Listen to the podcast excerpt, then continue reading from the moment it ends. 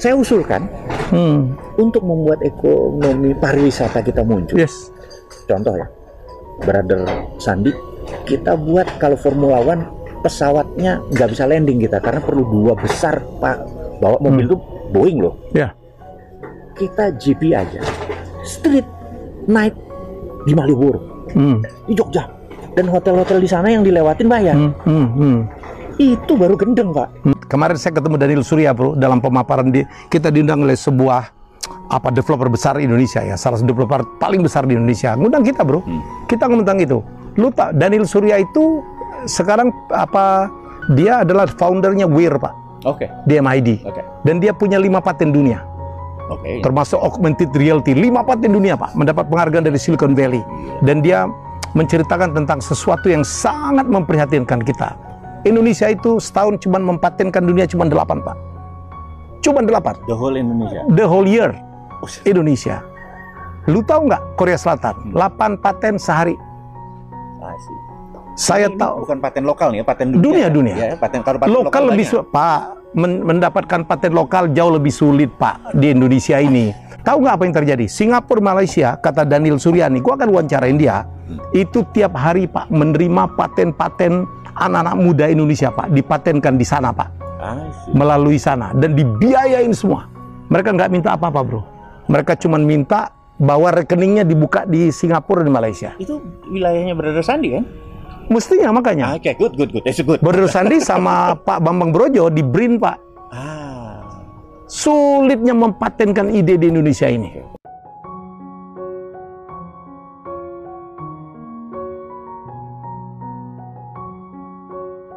Eh, kita tahu bahwa sama Brother Sandi, Sandi? ini punya eh, ini yang sangat tajam. Jadi, jadi sa- saya, saya pernah bilang bahwa eh, Indonesia itu terkadang sudah punya pemimpin yang eh, pinter Hmm, seperti Habibie, hmm, punya pemimpin yang spiritualis seperti Gus Dur gitu. hmm. Nah, eh, Brother Sandi, Sandi ini? ini orang yang bejo, laki. hmm. Kalau ditanya keputusannya itu susah kalau udah bejo. Hmm, hmm, hmm. Jadi kadang-kadang orang nggak terlalu pinter-pinter banget, nggak terlalu kaya-kaya banget atau ngemiskin-miskin banget. Udah. Tapi kalau beruntung, nah kita tahu kenal dia udah cukup panjang, bener. Ya. Jalan hidup itu kok beruntung terus ya gitu. Ya. iya. Sehingga kalau itu menjadikan dia di posisi strategis sekarang ini sebagai mempromosikan sisi kreatif Hmm, dan juga pariwisata, di mana kita tahu dua ini adalah anchor untuk membuat eh, bangsa kita bangkit. bangkit. Ya, Kita tahu, kita mundur lagi. Ya. Tahun 97-98 ASEAN itu kena krisis. Kita tahu. hmm. Solusinya bagaimana? krisis moneter. Krisis Hmm. moneter. Solusinya UKM. bagaimana? Ya, Ada lima nih yang Ya. kita patokan dulu. Kalau kita datang ke Bangkok, berada di Bangkok tahun 90-an, hmm, maka Jakarta dua kali Bangkok. hmm. Tahun 2000-an Kebalik ya, kita eh, sama Hmm. Jakarta, Bangkok sama Jakarta sama. lima ya. Tapi 2020 kita datang, gila itu airportnya aja eh, gedenya minta kita. oh, Suarna bumi ya. terus kita mendadak Bangkok menjadi dua Iya. kali Jakarta ini. Oke. Apa yang dilakukan oleh Bangkok gitu ya? Hmm. Nah, yang dilakukan oleh ini karena mereka beragama Buddha. Oke. Jadi mereka waktu itu Bumi Pohon Abu Yade bilang rajanya waktu itu Hmm. kami nggak punya duit bangkrut. Apa yang terjadi? 50 ton emas orang nyumbang. Negara ini Disumbang oleh rakyat. Oleh rakyat. Oh, iya, iya. Ya itu punya sejarah sendiri tuh. Ya. Akhirnya dengan ini mereka berputar gitu ya. Hmm. Itu satu. Jadi menyelesaikan krisis nih dengan gandengan tangan. Ya. Nggak bisa cuman Bapak Luhut doang. Hmm. Nggak mungkin Pak. Hmm. Harus semua orang Diajak, ya, diajak Hmm. dan dilibatkan. dan diterima konsepnya. Hmm. Bukan sekedar ah terus ya, mudah-mudahan dia coba aja deh yang lain nunggu Hmm. atau yang Hmm. lain mengkritik ya. Bukan harusnya bekerja sama. Nah, kedua, apa yang dilakukan oleh Malaysia? Ya, Malaysia membangun Petronas Tower ya, dan sirkuit. ya. Sepak. Sepak. Inilah yang membuat pariwisata datang. Hmm. Singapura sama. Yang terjadi adalah semua negara ASEAN itu keluar dari krisis semua pakai pariwisata, Hmm. gitu. Nah, Singapura ini menarik. Jadi saya mungkin bisa meng- menginspirasi lewat ini aja. Lewat, lewat telepon juga bisa lewat Iya. Sandi, tapi lewat ini kan lebih menarik. Singapura tuh punya Singapura tur, ber- eh, Singapura Tourism ber- apa, Board Singapura STB. Eh, saya lupa Singapura Tourism Board ya. Kan ada orang nanya, kenapa sih lo nulis di sosial media itu lompat dulu nanti kita tentangin ini. Enggak, gue pengen cucu cicit gue nanti waktu dia membaca Hmm. itu kehidupannya kita sebagai kakek atau opanya ini hidupnya berwarna. Alangkah lucunya cicit kita bilang, ya kakek Segitu doang. statusnya cuman bucin banget lo gitu ya Iya, cemen banget. cemen banget loh gitu budak cinta gitu ya gitu ya itu ada jemuran belum kering gitu ya ya Iya. mak gue begini apa nenek gue begini gitu ya Iya. tapi kalau kita binter dandan misalnya Ya, gini mengusulkan sesuatu. Eyang Hmm. Eyang pernah main ski di Alpen nggak soalnya sekarang Alpen udah nggak ada salju Hmm. oh pernah nak cuci gitu oh terus Eyang pernah ke Kilimanjaro nggak? Dulu kan ada badak berjula satu dan lain sebagainya. Oh pernah gitu ya? Kalau eh, Eyang pernah ke Kilimanjaro? Enggak. Eyang pernah ke Alpen? Enggak gitu. Lu garing amat sih hidup lu gitu Iya, ya. Iya, iya. cucu kita ngeliat me- me- bukan artinya harus materi yang keluar. Nah tahun 2009 itu pertama kali dalam sejarah dunia Formula One itu street night. Hmm. Maka cucu cicit kita yang waktu tahun 2009 yang punya 5 juta nggak punya yang nonton nggak pertama kali dalam sejarah Hmm. dunia enggak lu garing amat hidup lu bener Ya, 5 juta ya. supaya gitu ya itu Hmm. contoh nah Singapura ini Singapura Tourism, Board of Tourism ini menarik apa yang dilakukan Hmm. jadi selain uh, Crazy Rich uh, Si- Asian Asian ya. itu dia biaya gede dan akhirnya membuat Hmm. Singapura uh, Dan jangan lupa MBS dengan membuka kasinonya ya. ya itu itu Itu terobosan walaupun ini bukan untuk dicontoh oleh kita ya. Oke. dan ingat warga Singapura nggak boleh masuk ke sana harus Hmm. pakai paspor Hmm. Jadi ini ingat bukan buat orang Singapura loh. Jadi Hmm. kalau kita buat kasino di Indonesia tapi yang masuk pakai paspor harusnya Hmm. untung siapa gitu ya. Hmm. Tapi kan di sini punya pemahaman lain lah. Ya udah. Gitu ya. Hmm. Ini kalau mereka dagangnya pinter ingat. Warga Singapura nggak boleh main di lo. Hmm. Kan dalamnya paspor, kan? Termasuk Ingat. juga yang di yang di Genting Island ya. Iya, paspor Ya, kan. ya, ya. Ba- Itu kan bagian dari Singapura Board Tourism. Yang menarik adalah gini. Jadi Formula One streetnya gini.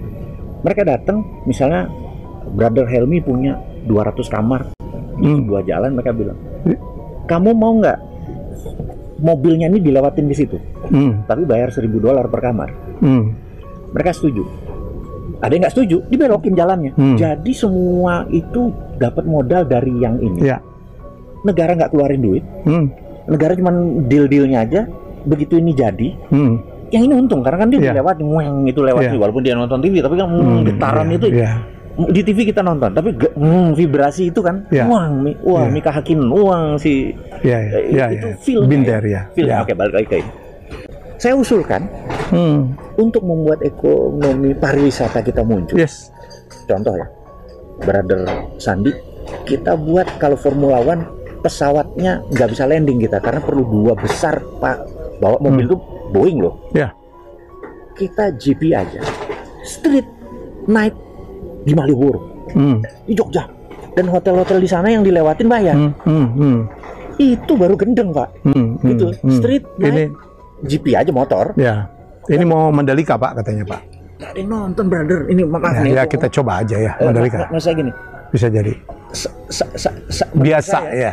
Kalau dibuat di satu daerah baru gitu biasa. Menurut Mas Wi gitu Ya, ya. karena siapa yang ke Hmm. sana? Ya, ya, Memang ya. sih benar kita akan ke sana Hmm. dengan Mbak segala Tapi kalau ini sudah satu paket, Hmm. Mandalika kita buat yang lain. Oke. Bukannya ini ini ini ini pendapat saya. Super baik kata yang tahun depan udah mulai ikut. Iya, Ya. ini ini pendapat saya. Tapi Hmm. saya mungkin terlalu agresif kalau berbisnis karena saya terlalu saya tuh eh, mungkin kita udah kepala lima umurnya. Hmm. Bisnis itu low hanging fruit. Ya. Low hanging fruit tuh artinya buahnya subur, ranum, pendek tinggal petik. Ya. Sementara kalau umur 20-an mereka bisa yang Hmm. bisnis yang jangka panjang kayak Mandalika Ya. itu mungkin 20 30 tahun lagi baru dapat benefit gitu ya. Hmm. Kalau saya di Malioboro dengan sekitarnya kan cepat dapat duitnya. Hmm. Hmm. I- itu bergeser brother. Jadi umur 20 saya berbisnis begini, umur 30 saya begini, umur kepala 5 ini Hmm. pengennya lo lo hanging fruit. Contoh ya. Kita main properti di umur sekarang kepala 5. Tanahnya kan nyari dulu. Nyari Hmm. tanah berapa lama sih yang bagus gini? Oh, di Ubud keren gitu ya. Hmm. Hmm. Oke, anggap fulusnya semua ada gitu ya. Hmm. Enam bulan lah kali. Oke, Ya. yang bagus. Terus apa yang kita lakukan? Hmm. Desain, Hmm. arsitek segala macam. Ya, enam bulan lah. Gitu. Setelah itu ngurus IMB, izin, mau hampir seta- setahun, setahun setengah lah. Hmm. Terus habis itu nyari kontraktornya, Hmm. kita nyari di ya eks- ngebangunnya Kepanjangan. dua eh, panjangan. Terus balik modalnya tambah enam. Semua kapan naik Ferrari-nya, Bro? Iya, iya, iya. Udah iya. kepala 70 Baru di tengah-tengah ada ngebom lagi Bang mati gua Nah kepala 20 pantas Kepala 30 pantas gitu makanya kalau ditanya saya tadi antara Mandalika sama Malioboro, gue pilih Malioboro, Malioboro. karena low hanging fruit gitu ya. Tapi kita berharap bersandi dengan pengalaman bisnisnya juga yang sangat tajam ya. Uh, memba- membawa pariwisata dan terutama ekonomi kreatif bro. Karena murid-murid kita itu banyak di industri ekonomi kreatif. Setuju. Bisa diberikan tempat banyak. Karena saya pikir memang masa depan Indonesia itu ya ke sana lah. Wah, kalau ingat sejarah kita pernah di Amerika, orang Indonesia tuh kreatif-kreatif. Oh iya. Apalagi hal negatif. Nah Bisa yang nelpon Indonesia nggak bayar. Kreatifnya. sebelum tiga menit dimatiin. Iya. Saya kemarin saya ketemu Daniel Surya bro dalam pemaparan di kita diundang oleh sebuah apa developer besar Indonesia ya salah satu developer paling besar di Indonesia. Ngundang kita bro. Hmm. kita ngundang itu. Lu tak Daniel Surya itu sekarang apa dia adalah foundernya Weir pak. Oke, di MID oke, dan dia punya lima paten dunia. Oke. termasuk augmented reality. Lima paten dunia pak. Mendapat penghargaan dari Silicon Valley. Gila. dan dia menceritakan tentang sesuatu yang sangat memprihatinkan kita. Indonesia itu setahun cuma mempatenkan dunia cuma delapan pak. Cuma delapan. The whole Indonesia. the whole year Indonesia lu tahu nggak Korea Selatan 8 paten sehari see. saya Ini tahu bukan paten lokal nih, ya, paten dunia. Dunia, ya? dunia. Ya, paten kalau paten lokal lebih banyak. su- Pak men- mendapatkan paten lokal jauh lebih sulit Pak di Indonesia ini karena panjang banget saya pernah nge-coach Pak satu orang pemilik ide luar biasa edible bioplastic Hmm. di mana aluminium yang Indomie itu bisa dimakan. bisa dimakan dibuat dari dari apa? Rumput laut. Oh, ya, rumput, rumput laut. Oke. dua tahun Pak nggak keluar Pak. Harus ini harus ini harus ini. Tahu nggak apa yang terjadi? Singapura Malaysia kata Daniel Suryani gua akan wawancarain dia itu tiap hari Pak menerima paten-paten anak-anak muda Indonesia Pak dipatenkan di sana Pak. Melalui sana. Dan dibiayain semua. Mereka nggak minta apa-apa bro. Mereka cuma minta bahwa rekeningnya dibuka di Singapura dan Malaysia. Itu wilayahnya Brother Sandi kan? Mestinya makanya Ah, Oke, good, good, good. That's good. Brother Sandi sama Pak Bambang Brojo di BRIN Pak Ah. sulitnya mempatenkan ide di Indonesia ini. Oke, oke, oke. Widuh, birokrasinya luar biasa Pak. Dan banyak sekali para pejabat-pejabat kita kan pernah di pemerintahan Pak, Ya. yang kadang-kadang tidak mau apa play safe bros,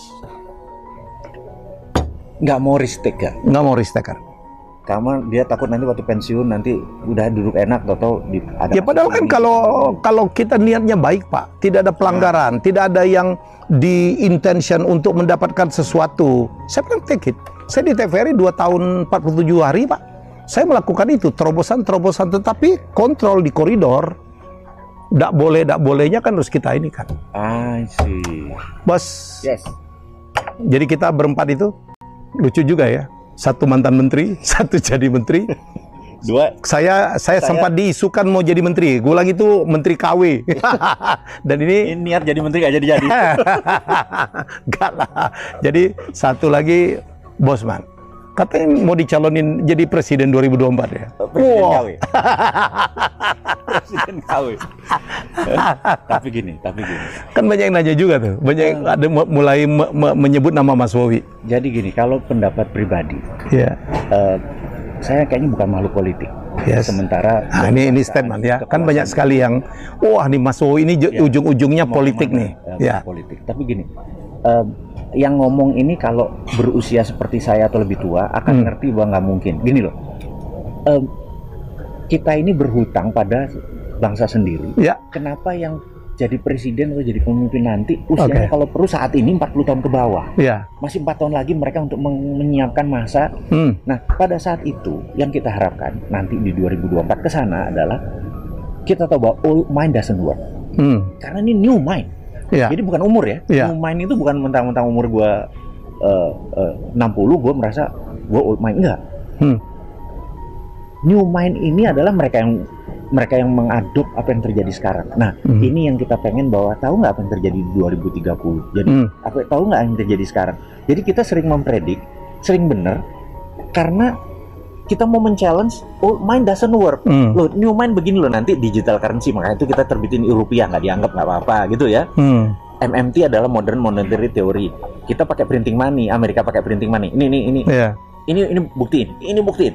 Saya nanya sama eh, brother kita, bro, Angkora di 2011 panen dana dari luar, Benar nggak? Waktu Iya. itu kan gede-gedean. Iya. Kita tanya, After the crisis 2008 ya. Ya. rule of thumb-nya nih, rule of thumb-nya gini. Sewaktu tahun 2008 krisis, apa yang Amerika lakukan? Ya. Printing money. Printing money. Hmm. Nah, printing money itu untuk tidak inflasi hukumnya gampang, harus ada sektor produktif. Ya. Jadi waktu dia printing money itu hanya menyelesaikan misalnya Brother Helmi punya utang satu miliar, Hmm. dipinjemin sama bank satu miliar, Oke. utang ke saya satu miliar. Saya punya utang lagi ke A, ke B, ke C. Kan begitu itu Supaya muter. printing money kan muter. Iya. Nol semua kan balance sheet kita. Oke. Balik ke bank, Oke. balik ke bank, uangnya inflasi. Hmm. Gimana tidak inflasi? Harus ada sektor produktif. Jadi pertama diterbitkan tuh menyetel ini semua. Oke. Sektor produktif mana? Negara kayak Amerika produksinya terbatas. Iya. Maka dia Pasti ke negara-negara ketiga ya. negara ketiga. Jadi hutang itu wajib Hmm. Diadakan demi negara ketiga ini Iya. Ya. menjadi balan di, di, di balance ini ini mahal sektor produktif Oke. nggak ada inflasi Oke. ya oke karena itu mereka panen jadi di 2020 ini printing money semua negara Inggris Hmm, printing iya, money iya. itu printing money itu Amerika printing money China printing money yang dia butuhkan adalah negara yang Untuk- pemimpinnya Iya. seneng utang Iya. ini harus harus ditekankan karena kalau dia printing money Hmm. dolar Amerika siapa yang nelen Iya. Yuan siapa yang nelen Dan ya gitu ya harus mengalir itu. harus mengalir Iya. nah inilah yang saya bilang yuk kita printing money kok takut Hmm. dengan alasan wah lo mau bikin inflasi ya bilang sektor produksinya aja jadi terbitin sesuai dengan Iya, iya. dengan produksi kita nggak usah Tinggal printing tinggal penyalurannya yang harus dibenerin ya. karena itu wilayah di kek kawasan ekonomi khusus saja Hmm, hmm. ciptakan aja 30 biji kawasan ekonomi khusus uang beredar di situ, Situ, iya, ini, iya, ini, iya. ini contoh tapi sekali lagi kan karena bosman ngomong cara santun nggak dianggap ya ngomong pakai nyeleneh nyinyir Hmm. ya bagi mereka yang baperan harusnya Hmm. jangan jadi pejabat Hmm. ada dua orang mau mau sukses satu kalau baperan jangan jadi pejabat. Dua kalau baperan jangan jadi pengusaha. Dua aja. Ah, sengsara hidup lu. Jangan baper aja. Jangan baper aja. Baperan tuh hanya untuk bucin lah budak cinta. Bucin, ya, ya, ya. jadi kalau punya pengusaha yang terlalu udah baper dibuang gitu ya. Pejabat juga buang. Maksudnya karena gini ya yang yang gue tahu nih yang saya tahu. Allah tersering menaruh kebenaran di tempat yang kita tidak sukai. Hmm, ya. Iya. Saya ngalamin, ya. eh, benar nggak suka kebenaran di Iya. situ daripada kebenaran yang kita sukai Ya. itu law of nature jangan Iya, law of jadi nature, waktu ya. kita ngomong dengan cara halus 2-3 tahun sebelum Hmm. ini kok gak didengar Hmm. ya udah kita nyeleneh sedikit nyeleneh tapi Hmm. kan kita nggak pernah nyinggung instansi kita nggak pernah nyinggung Ya. individu Ya. dan ada dua syarat ya, apa ya, berikutnya pada saat kita mengkritik harus kasih solusi jadi misalnya Ya. gini, bro gila lu pakai baju hitam jelek lu sebenarnya lu kalau putih Ya. lu lebih terang Ah, itu itu misalnya kalau ah lu jelek lu baju hitam Hmm. lu- itu itu mengkritik tanpa solusi itu Ya. salah Ya. jadi bosman selalu mengkritik full solusi. Hmm. Dan Walaupun dihajar oleh buzzer. buzzer itu dan hater. Dan hater. Iya, Hater iya, ini mungkin nggak dibayar. Dia Iya, iya, memang nggak suka aja menganggap dewanya dia orang yang maha benar yang menjabat sekarang ini dihina. Gitu ya. Eh, sehingga dia membela, membela, Oke. membela eh, itu patriotismenya dia untuk ini fanatismenya dia membela. Nggak apa-apa. Tapi lucunya gini. Jadi saya mengharap buzzer dan hater ini terus aktif, jangan Iya, diem. Iya. Teruslah serang Terus Bosman. serang. Karena Hmm. gini, satu kita jadi tahu ukurannya. Iya. ya dua oh dia nggak nggak ngerti oh dia nggak nggak baca buku Iya. Eh, ini ini nanti saya cerita tentang ini lagi terus Iya. eh, ke- yang yang lebih yang yang yang lebih penting lagi algoritma sosmed Hmm. itu FB IG atau YouTube atau TikTok itu dia tidak melihat respon positif atau respon negatif selama respon itu dianggap aktif Iya. Selama ada hashtag. ya. selama ada hashtag selama selama ada interaktif itu tektok walaupun berantem itu dianggap nah semakin anda pukul kita semakin kita beredar Oke. kalau lu diem, ayo mati. ini, ini cerita cerita bahwa kenapa waktu diserang kita nggak pernah melakukan aja. klarifikasi karena yang kita harap adalah pukulan-pukulan tadi gitu ya gitu jadi terima kasih kepada hater Terima kasih kepada buzzer. gitu ya karena anda lah membuat satu juta viewer per hari nontonin videonya si Sontoloyo ini gitu ya Iya. Nih fakta nih, fakta kuantitatif. Saya akuntan kuantitatif. Pada saat Mas Mas Wowi diserang oleh buzzer, termasuk ada sa- satu orang itu yang nggak perlu gue sebut namanya, yang membuka sampai titis segala macam gue ketawa-ketawa karena I'm his friend gitu. Sekarang mana yang menyerang dia? Ini temannya Helmi Yahya nih gitu. Dan gue ketawa-ketawa. Berapa follower sama subscriber lu naik bro pada saat lu diserang? jadi naik hampir 150 persen 150 persen. dari 400 ribu ke 1,1 juta Nah, makanya teruslah serang dia.